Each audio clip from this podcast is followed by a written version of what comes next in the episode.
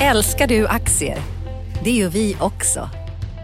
Sea Worldwide Asset Management är en av Nordens största oberoende aktiva aktieförvaltare och har samlad kunskap sedan 1986.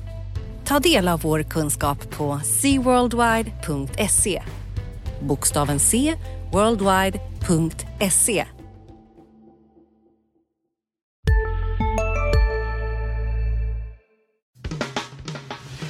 Analyspodden från Dagens Industri.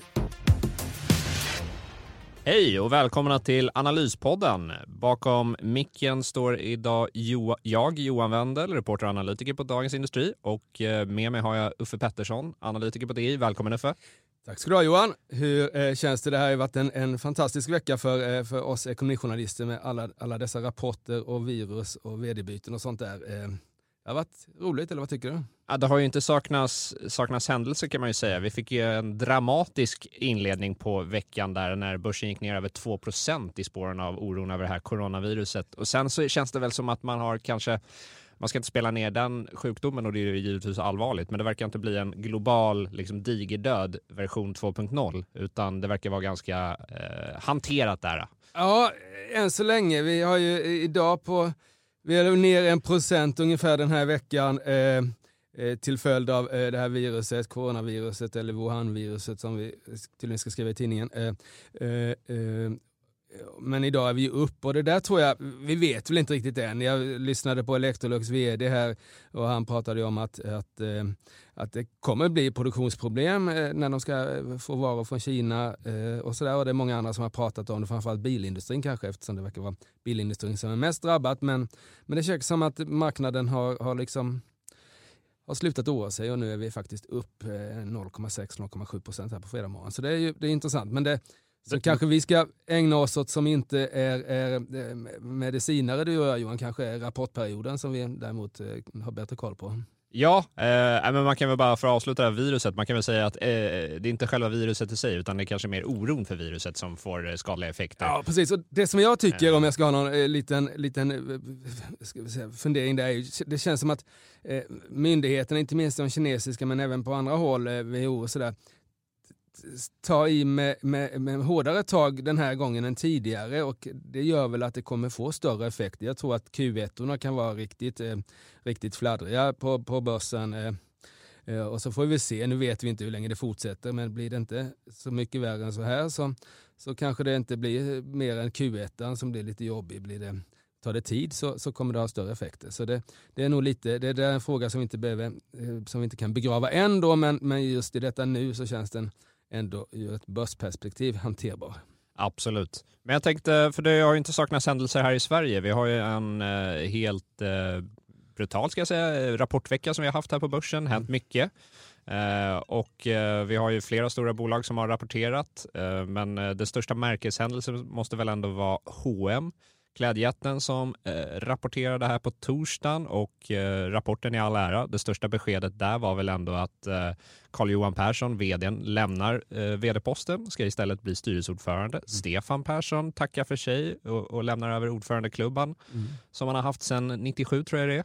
Ja, eh, och eh, istället så rekryterar man en vd internt. Eh, Helena Helmersson, eh, operativ chef för närvarande, COO, har tidigare varit hållbarhetschef bland annat. Och, och eh, ja, det här... varit, varit i företaget i, eh, sedan 90-talet någon gång. Liksom, jag tror hon kom dit när hon var 24 år.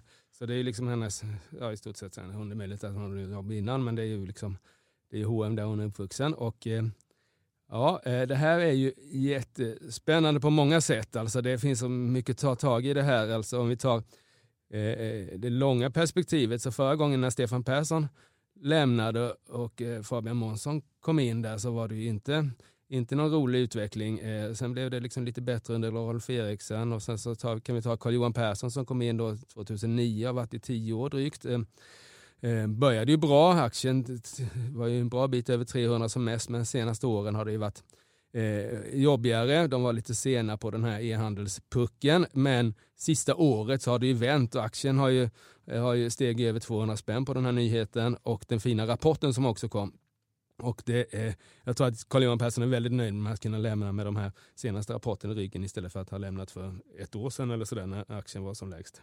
Ja, och eh, sen kan man väl säga så här, eh, det, vi har ju varit tuffa mot H&M när vi har bevakat dem Mm. eh, och eh, de var ju kanske lite efter när det gällde e-handeln och så vidare. Mm. Men man kan ju också ta hm grafen och eh, jämföra med de andra retail-aktörerna och eh, ja, MQ, R&B. Och, Det- även, de- och även internationellt. Alltså det är ju det är företag som är lika anrika som H&M som har gått under här i e-handelskrisen och H&M har trots allt gått igenom det här med, med, eh, med att göra vinst hela tiden. Eh, eh, Låt vara inte lika höga som de gjorde, gjorde förut men, men och har nu då, och jag tycker att har nu kommit igen och nu, det känns som att de har, nu har de liksom kommit igång här. Jag tycker en väldigt intressant siffra förutom vd-byte och allting annat var ju netto nya butiker 2020 som skulle vara 25 butiker mot 175 för ett år sedan. Och det är ju det som alla har eftersökt. Varför ska H&M öppna massvis av butiker när ingen annan gör det och varför ska H&M liksom stressa ett butiksnät när, de, när det är köparens marknad ute på, på, på eh, detaljhandelslokaler. Så det är helt rätt att de bromsar ner det där och nu är det då eh, Helena Helenas roll att se till att, att det också leder till minskade kostnader. Alltså att, att man får att man eh, inte sitter kvar med massvis av kostnader eh, eh, när man nu börjar på allvar ta tag i, i butiksnätet. Eh, Ja, och eh, som du säger, marknaden gillade de här beskeden. Aktien gick ju upp, eh, vad var det, eh, strax över 9 här på rapportdagen. Den Ja. fortsätter upp här idag på fredagen. Ja, Vi hade en intressant debattartikel från en tidigare styrelseledamot i, i, Kvart, ja. Mm. i H&M som har suttit nästan 20 år i den där styrelsen. Och hon för H&M's rörelsemarginal för helåret 2019 landar ju på 7,5 procent. Det är ju bra sett i hela klädbranschen men det är ju inte i närheten av H&M's forna glansdagar. Nej. Och hon påpekade det, Susie Kvart, då, att det kommer nog dröja innan liksom H&M återfår sin forna lönsamhet om man får det någonsin. Därför klädbranschen har förändrats. Eh, Det är förändrade konsumtionsbeteenden, man köper inte lika mycket längre. Det är också ett ökat fokus på hållbarhet vilket ställer krav på H&M och också slår mot lönsamheten i slutändan. Så jag tyckte det var en väldigt intressant text. Den finns på vår hemsida för den som vill läsa den. Ja, det, är det där skiftet skulle jag vilja säga, det hände, det hände för väldigt länge sedan. Jag kommer ihåg vi hade en sån här, det svenska modeundret när eh, Odd Molly kom in eh, och var ett miljardbolag. Nu är det ju inte värt någonting och är inte ens ett klädbolag knappt längre utan ett fastighetsbolag. Vi hade Week som kom in, vi hade Björn Borg på höga nivåer och vi hade en väldigt bra konsumtion av kläder och det var 2006 2007 någonstans där. Men sen har exempelvis iPhone kommit in, man lägger liksom inte man lägger inte lika mycket pengar på kläder längre utan man lägger det på andra grejer eh, och inte minst teknik och, och liksom, eh, andra tjänster. Utan det här med kläder som så att säga prioritetsordningen på kläder i folks personliga ekonomi har gått ner lite grann. Jag tänkte vi skulle gå vidare till eh, en annan bjässe på Stockholmsbörsen, Volvo, Mm. som kom med sin Q4 här också i veckan. Ja. Eller igår, närmare bestämt torsdagen där. Yes. Och eh, man drämde ju bland annat till med en extrautdelning. Totalt delade man ut 13 spänn per aktie. 7,5 kronor av dem är en extrautdelning. Yes. De verkar hålla upp eh, lönsamheten rätt bra trots att det kanske är lite kämpiga marknadsförutsättningar på sina håll. Ja, det gjorde de. Eh, vinsten backade lite grann, men inte alls så mycket som, som väntat, utan en, en miljard bättre eh, var resultatet än vad marknaden hade räknat med. Eh, omsättningen var hög, mycket högre än vad vi eh, trodde. Eh, orderingången föll, men föll inte lika eh, dramatiskt som vi hade förväntat oss. Så det där var en, en bra rapport. Eh, Eh, utsikterna för 2020 var faktiskt eh, hyfsat eh, ljusa också tyckte jag. Han, han ökar lite produktion i Europa och kommer dra ner lite i USA. Men, men på det hela taget så, så levererade Volvo eh, ett väldigt bra resultat i förhållande till eh, framförallt förr i tiden när, när marknaden började svikta lite grann. Och, Eh, det är ju ett, eh, jag skulle säga att det är ett styrkebesked att de då gav den här utdelningen också. De hade ju i och för sig kunnat ge lite mer också eftersom de har 40, över 40 miljarder i kassan. Men, men eh, likväl så, så marknaden gillar den där. Sen ska man inte glömma bort också att Volvo var ju, eh, var ju lågt värderat. Alltså den, har ju, eh, den var ju nere på P, P9 exklusive kassan. Så det är klart att det inte hade den varit på P15 istället så tror jag inte marknaden hade reagerat på samma sätt. Då. Så det är den låga värderingen och att vinsten höll uppe bra gjorde att det steg här. Eh, och eh, ja, det ska bli intressant. Det här var, men det var ju liksom inte, det är inte över nu för det kommer liksom fortsätta med med liksom minskad, minskad omsättning för Volvo framöver här. Eh, och, eh, och så det, det, den här nedgångsperioden som Volvo är inne i har börjat, eh, har de klarat av bra första, första, så att säga, första varvet men det återstår ett antal varv till. Men, men eh, marknaden gillar den där och jag tror att extrautdelningen 13 spänn det gillar ju, det gillar ju marknaden och vill ha liksom kontanter när det inte finns några räntor. Ja, och eh, sen som eh, du var inne på där, de har ju en bra fin kassa där. Frågan är vad de ska göra med den under 2020. De kommer ju vilja behålla lite reserver för att kunna mm. parera eventuella svängningar och så vidare. Ja. Vi hade ju en, eh, apropå det så har vi faktiskt en affär här på morgonen där Traton, alltså där Scania ingår, det tyska gamla Volkswagens lastbilsdivision som vi gick in på börsen här förra året, har ju då lagt ett bud på Navistar. Navistar, en amerikansk stor lastbilsjätte Eh, och det där kan ju få, kan ju få eh, eh, Volvo att fundera på vad de ska göra. Nu är ju Volvo redan, redan rejält in. Nu släpper vi en ny podd. Expressen Dock. Einar han går in i fel gård, förstår du? Och sen där, en annan skytt jag tror kommer emot honom och, och fortsätter skjuta. Lyssna på premiäravsnittet. Mordet på Einar, det sista vittnet med mig, krimreporter Nina Svanberg. Hon började skrika på mig. Backa hon började säga. Så vad, vad hände? Så hon bara, han är död. Så jag bara, vad säger du för något? Så hon började skrika, han är död. Så jag sköt honom nu 21 meter. Lyssna i appen eller där poddar finns. Just nu pågår vår stora season sale med fantastiska priser på möbler och inredning. Passa på att fynda till hemmets alla rum, inne som ute, senast den 6 maj. Gör dig redo för sommar. Välkommen till Mio. Ni i eh, USA genom mackförvärvet och sedan länge, det är många år sedan nu eh, när de köpte General Motors eh, lastbilsdivision, det var väl på 80-talet, men, men mack köpte de ju där för en 20 år sedan ungefär. Och sådär. Men det har ju inte Traton haft någon amerikansk verksamhet, men det får de nu när de försöker komma över Navistar. Tror du verkligen Volvo gör ett stort förvärv? Jag tror de, jag tror de återköper aktier eller delar ut pengarna. Ja, eh, så kan det vara. Det beror på lite vad ägarna vill. Förr i tiden så var ju eh, Christer Gudell största ägare, det är han inte längre, utan nu är det ju eh, Fredrik Lundberg tillsammans med Gili som är det. Och de kanske inte är lika intresserade av att dela ut massvis av pengar utan att fortsätta investera. Så eh, vi får se vad som händer. Eh, Volvo eh, gjorde ju någon slags liten reträtt i Japan här också för ett, ett tag sedan. Eh. Så ja, vi får se vad de, det borde väl vara inom VSE man i så fall eh, hittar på något. Ja, eh, vi får se. Marknaden gillar i alla fall vad den ser i Volvo. Gick ju upp 7% på rapporten. Fortsätter upp 3% idag på fredagen. Så att eh, aktiemarknaden ger tummen upp. Ska vi gå vidare till eh, storbankerna? Vi har ju ja. SEB och Swedbank som har visat upp siffrorna här. Precis. Och, eh, eh, Swedbank var ju också, den steg väl, eh, det var väl upp en 7-8 procent den också om jag inte minns fel. Och även, även och då med sig de andra bankerna då, Swedbank var ju först ut här. Eh, och det man gillade där var väl att eh, utdelningen eh, 8,80 det var ungefär det var man kanske hade, eh, hade hoppats på men man var absolut långt ifrån säker om de skulle liksom behålla den, så pass hög utdelning Eh, med tanke på hur Danske Bank agerade när de var mitt inne i sin, eh, sin eh, Baltikum-härva. Eh, och sen så, eh, så, så känns det som att provisions, eller räntenettot var lite bättre än väntat och räntenettot för 2020 lär väl gå i rätt riktning här med tanke på att nollräntan har så att, säga, att vi inte har någon minusränta i Sverige längre.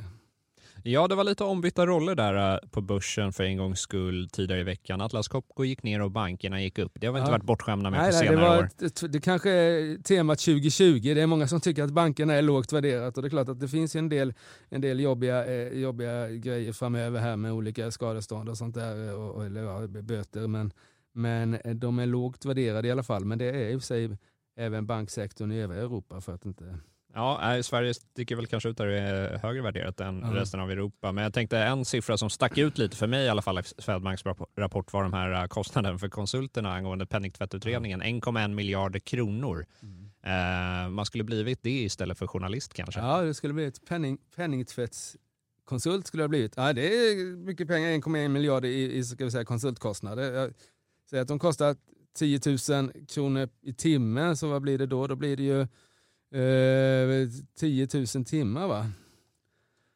Det är pengar det med som vi säger. Ja, ja, det är pengar det också. Ska Ja, vi, ska vi säga någonting om SEB också tänkte jag. Här, för den fick ju också marknadens gillande får man väl ändå säga. Ja, Nej, men jag tycker att Torgeby är väldigt duktig på att presentera siffrorna där och det som jag tyckte när den kom att det var ju lite så, så att säga att, att mycket av vinsterna drevs upp av det här eh, finansiella transaktioner men SEB lyckades säga att det där ska vi nog inte ta som en engångsgrej utan det där kommer vara med oss ett tag. Eh, de hade ganska mycket kreditförluster, det var det som stack ut även i bägge bolagen, i bägge bankerna, att kreditförlusterna ökade rejält det här kvartalet men, men inte ens det fick eh, liksom marknaden att, att darra på manschetten utan de lyckades förklara med att, att det är två engagemang, ett i, i, ett i Norge och ett i, i Sverige som, som har kostat lite, lite stålar här. Ska vi gå vidare då i rapportfloden här? Vi Mm. har ju några stycken vi kan nämna. Jag tycker ändå vi ska ge en liten shout-out till byggbolaget NCC här. Eh, gick ju upp på sin, eh, på sin rapport där med en drygt 9 tror jag det var Mm. och fortsätter även upp nu idag på fredagen, är upp ungefär 6% Lite skön revansch måste det säkert vara för vdn Thomas Karlsson. De har ju varit ifrågasatta. Ja, det har de. Trots att han har, han har ju kommit in med tydligt städmandat Ja. i det här bolaget och har rensat, men det har tagit tid alltså. Det har tagit tid, men nu är de då, orderingången kom in på 13 miljarder där, det var ju klart lägre än väntat, men de är mer restriktiva nu och det är väl det som liksom kanske är helt rätt medicin i ett NCC som har, som har så att säga, tagit många order och som har liksom kostat pengar när, det liksom väl, när sista spiken ska, ska sättas i. Då. Nu är man då mer restriktiv och jag tror det är precis det som marknaden gillar, att man vill det gör ingenting om det liksom blir lite, lite, lite lägre omsättning, bara det är vinst eh, som kommer från omsättningen. Ja, man vill se att uh, underliggande affären tickar på helt Mm. enkelt. Jag tyckte det var intressant där, det, och jag ska bara också säga det, det kan ju finnas lite av en, ett short squeeze element i det här. NCC-aktien har varit rätt blankad. Ja,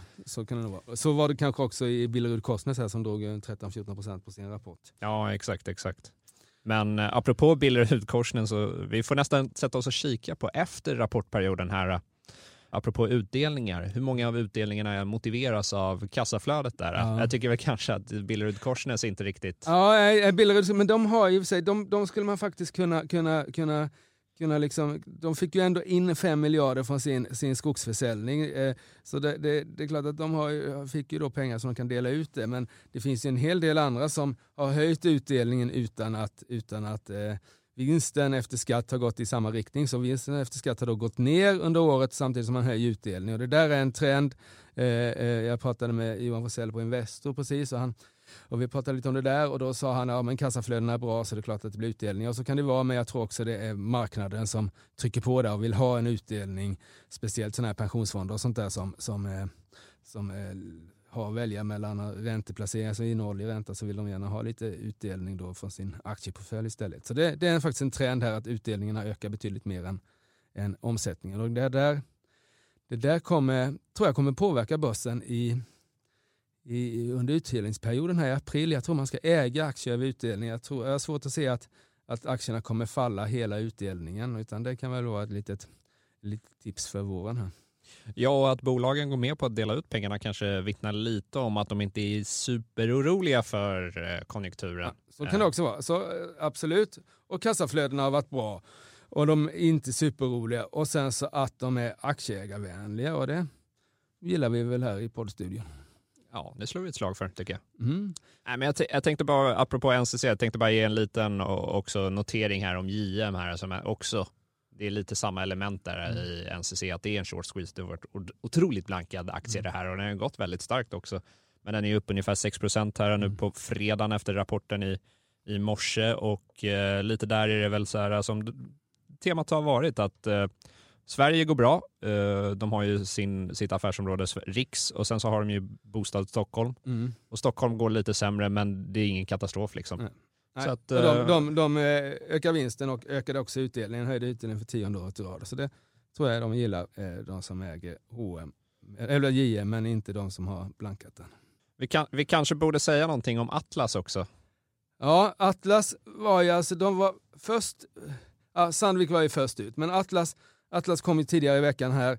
Atlas var det stora positiva överraskningen under Q3, en orderingångstillväxt på 6% Nu landade den väl på 1 procent om jag inte minns fel. Eh, och att det här, eh, och lägger man då till att Atlas har gått som ett spjut på börsen och blivit Stockholmsbörsens klart högst värderade bolag så, så fick vi en liten smäll i aktien där. Eh, jag har svårt att se att, jag tycker inte det ser ut som något köpläge i Atlas nu utan den här rapporten visar att inte ens Atlas Copco är oberoende av den lite ska vi säga, sämre konjunkturen och med ett P tal på 25-26 så, så eh, kanske man ska vara lite avvaktande till det där. Ja, men eh, som du är inne på där, det var, det var höga förväntningar inför den rapporten mm. och eh, de kom väl lite på skam får man väl ändå säga. Ja, det tycker jag. Men jag tänkte ändå vi skulle blicka framåt här mot nästa vecka, för även då fortsätter ju rapportperioden. Vi får några eh, fina bolag här. Vi har ju SKF som kommer, vi har Alfa Laval, vi får eh, Husqvarna, Tele2, ABB. Mm. Är det någon av de här som du ser ut fram emot mer än någon annan?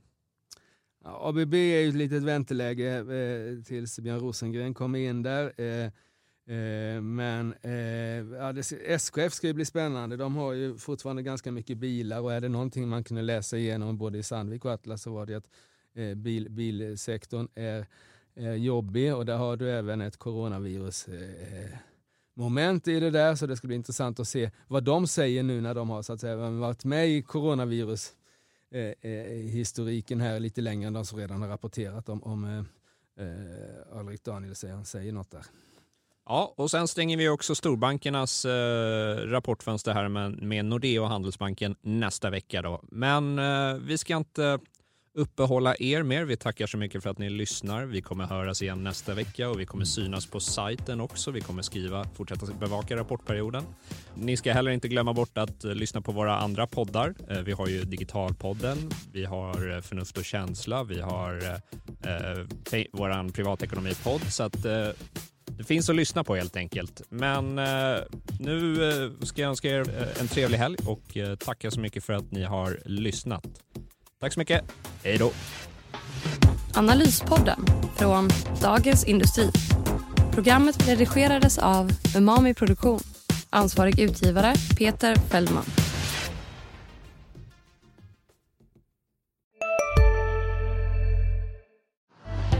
Älskar du aktier? Det gör vi också. Sea Worldwide Asset Management är en av Nordens största oberoende aktiva aktieförvaltare och har samlad kunskap sedan 1986. Ta del av vår kunskap på seaworldwide.se. Bokstaven C, worldwide.se